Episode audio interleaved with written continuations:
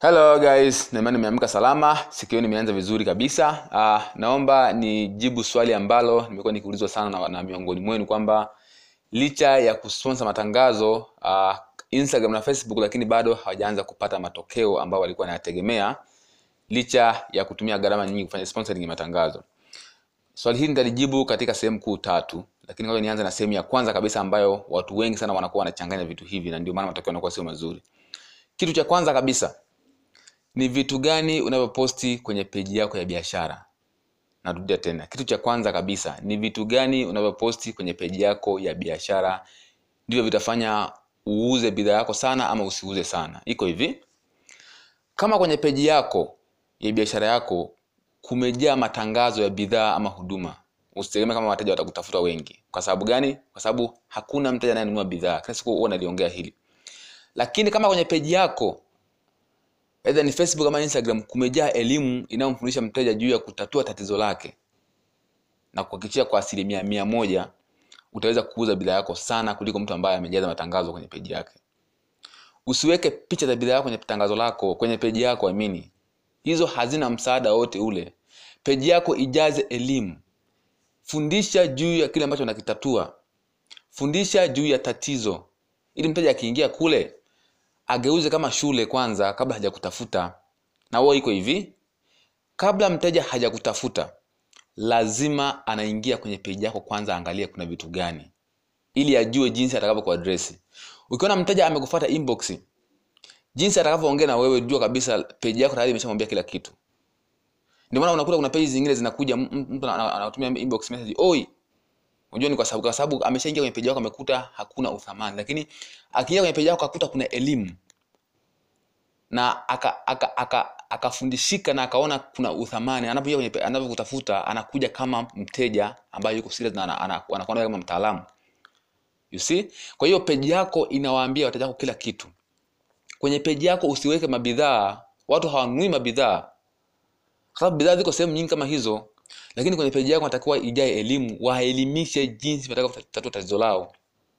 Si tunaelewana hapo?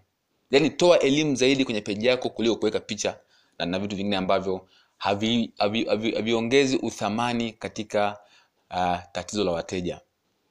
Inatakiwa peji yako iwe kama sehemu ya wateja kuja kupata, kupata suluhisho ya matatizo yao. Sio sehemu ya kwenda kununua bidhaa ndio maana ukiingia kila siku natolea mfano ukiingia kwenye peji yangu kule utakuta utakuta nimepost video ambazo zinatoa elimu kuhusu kitu fulani ili mtu akiingia kule anajifunza kabla hajanitafuta. Ndio maana mtu akinitafuta ananitafuta akiwa na lengo la kuja kutaka kujifunza sio kuja kutaka kununua bidhaa.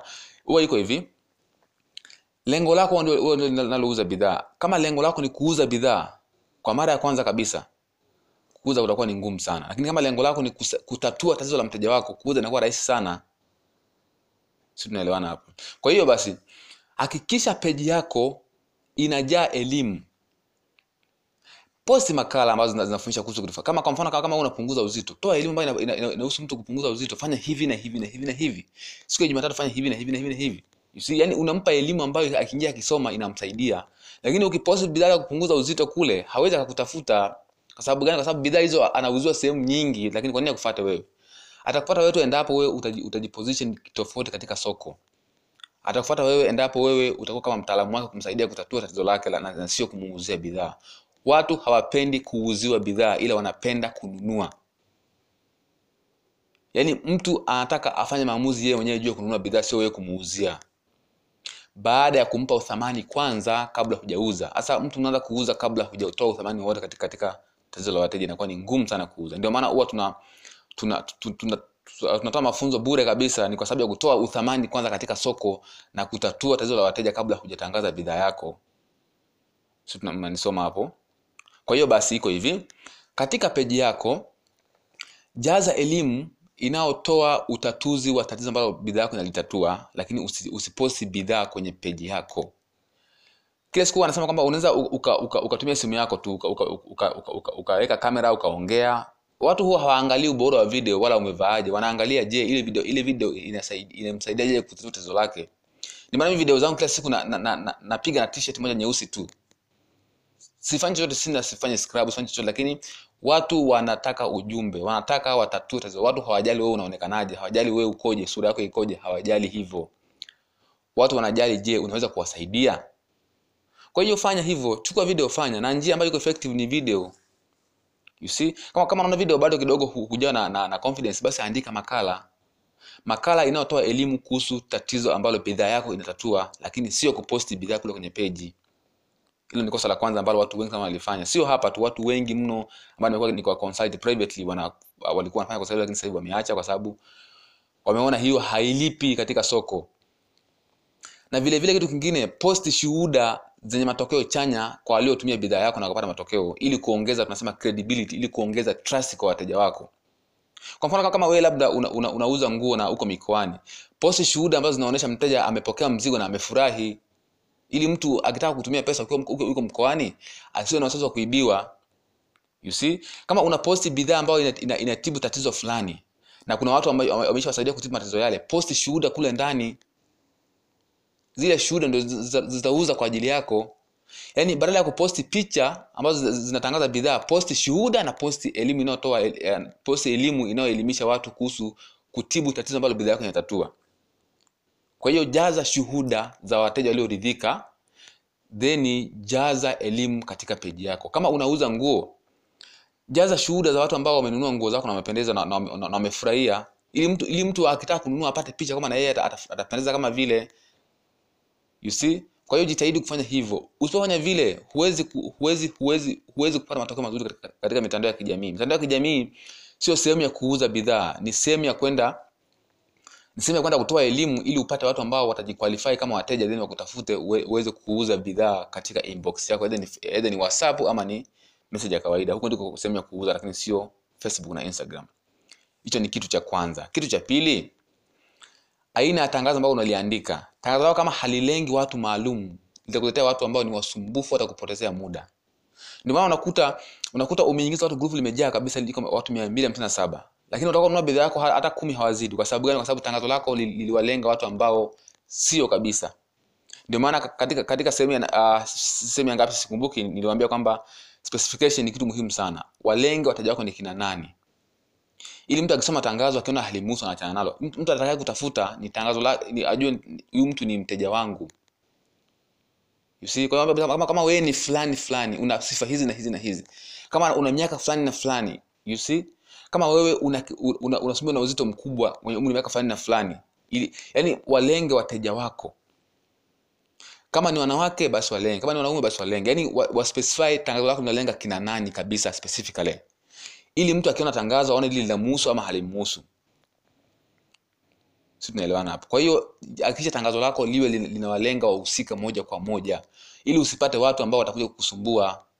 Ndio maana unakuta mtu anaingia kwenye page, kwenye uh, whatsapp group yako ana- maana anatuma mapicha mara anauliza maswali ambayo haeleweki. You see ujue huyo mtu sio sio mlengo wako ameparamia ame, ame grupu lakini mtu ambaye yuko siwezi kujifunza atauliza maswali ambayo yana make sense na hata kusumbua kwa sababu ni mlengwa na ana hamu ya kutatua tatizo lake. Kwa hiyo atakuona kama mtaalamu na kama mkombozi wake kwa hiyo atakusikiliza kwa asilimia mia moja na atanunua ata, bidhaa yako kwa asilimia mia. Kwa hiyo fanya hivyo. Walenge wateja wako katika tangazo. Tangazo lako linahusu watu wa aina gani? Bidhaa yako inalenga watu wa- wa aina gani hasa? Watu wenye sifa gani? Wenye uzito mkubwa labda ni wanawake wanaume ni watoto si vijana. Kwa hiyo walenge walenge wateja wako specifically ni watu wa aina gani hiyo itakusaidia sana kupunguza idadi ya wasumbufu na wapoteza muda katika tangazo lako kwa ambao watakao kutafuta juu ya kununua bidhaa ama huduma yako. Kwa hiyo hicho ni kitu cha pili. Kitu kingine tenga kati ya page na personal account. Hii ili, ili pia ni tatizo kubwa sana. Watu wanashindwa kutenganisha kati ya page ya biashara na personal account. Unakuta mtu picha binafsi amepiga amepost kwenye page yake ya biashara. Hiyo ni tatizo peji yako ya biashara inatakiwa ijae vitu vya biashara tu. Ijae elimu juu ya tatizo unayotatua na sio picha binafsi. You see? Peji yako ijae shuhuda za wateja walioridhika na bidhaa ama huduma yako. Usiweke vitu ambavyo havihusiani na tatizo unalotatua. Vitu ambavyo havihusiani na biashara yako. Biashara yako ni tatizo unalotatua na sio bidhaa unayoiuza. Okay? Kwa hiyo ukiposti kwenye peji yako posti shuhuda ama posti elimu inayotoa ufafanuzi au utatuzi wa tatizo ambalo bidhaa yako inatatua kwa hiyo tenganisha kati ya personal page na business page. Kwenye personal page yako unaweza ukapost picha zako binafsi uko na marafiki zako somewhere huko wapi hiyo hiyo ni sahihi kwa sababu hiyo ni page yako binafsi lakini page ya biashara huruhusiwi kuposti vitu personal kule. Post vitu vinavyohusiana na biashara yako tu. Okay? Kwa hiyo ni kitu cha msingi sana hicho na watu wengi kilikuwa kimewagharimu na wamekosa mauzo ambao walikuwa wanatakiwa wayafanye kwa sababu tu wamechanganya vitu hivi viwili kwa hiyo mteja akikutafuta jua tayari ameshapitia kwenye peji yako na ameshaona kila kitu. Na akashajua huyu mtu atanisaidia au anisaidii ndio kutafuta kwa hiyo hiki cha msingi sana sana sana. Na kitu kingine cha mwisho zaidi ni kwamba watu watu ukishaandika tangazo ukianza kupokea watu ya whatsapp mnaanza kuwaogopa wateja. Na hili ni tatizo sana. Mteja watu wakija usiwaogope kwa sababu unaamini una, katika bidhaa yako na una elimu juu ambacho unakitibu. Kwa nini unaogopa toa elimu fundisha watakao interest watanunua bidhaa yako. Lakini uki, uki, uki, ukiandika tangazo na kusponsor then watu wanaoingia ukawa wanaogopa huwezi kuwasaidia. You see kwa sababu wewe unatakiwa wewe ndio mtaalamu wao sasa ukianza kuogopa itakuwaje? Huwezi kuwasaidia. Na kama bidhaa yako ina, ina solve tatizo lao kuuza haitakuwa ngumu sana. Ni simple tu. Toa elimu then waambie mtu ambaye yuko interested anunua bidhaa. Watanunua bidhaa. Kwa hiyo ni simple sana na utapelekea kuuza bidhaa nyingi mno kabla hata hujatumia nguvu nyingi. Kwa hiyo toa elimu waelimishe. Usiogope usiwaogope wateja. Japo watakuja wengine watu ambao watakupima imani wengine labda ni madaktari labda wengine labda ni watakuja watu wengi sana lakini wewe kama unaijua elimu yako kama unaijua bidhaa yako vizuri kama unajua una, una solve tatizo gani hakuna mtu akukutisha as long as bidhaa yako inatatua tatizo fulani na umeshapata matokeo kwa watu imewasaidia watu basi wewe tayari ni, ni professional. Kwa hiyo usiogope wateja. Wewe ni mtaalamu wewe ni expert toa ushauri waelekeze then watangazie ofa yako. Okay? Hiyo itakusaidia sana kuongeza mauzo ya bidhaa ama huduma yako. Kwa hiyo jitahidi sana. Ukizingatia vitu hivyo vitatu basi vitakusaidia sana kuweza kuongeza mauzo yako katika mitandao ya kijamii na utauza bidhaa zako sana. Ukifata hivyo vitu vitatu. Kwa hiyo uh, chukueni hivyo. Kama kuna swali basi mtauliza. Asanteni sana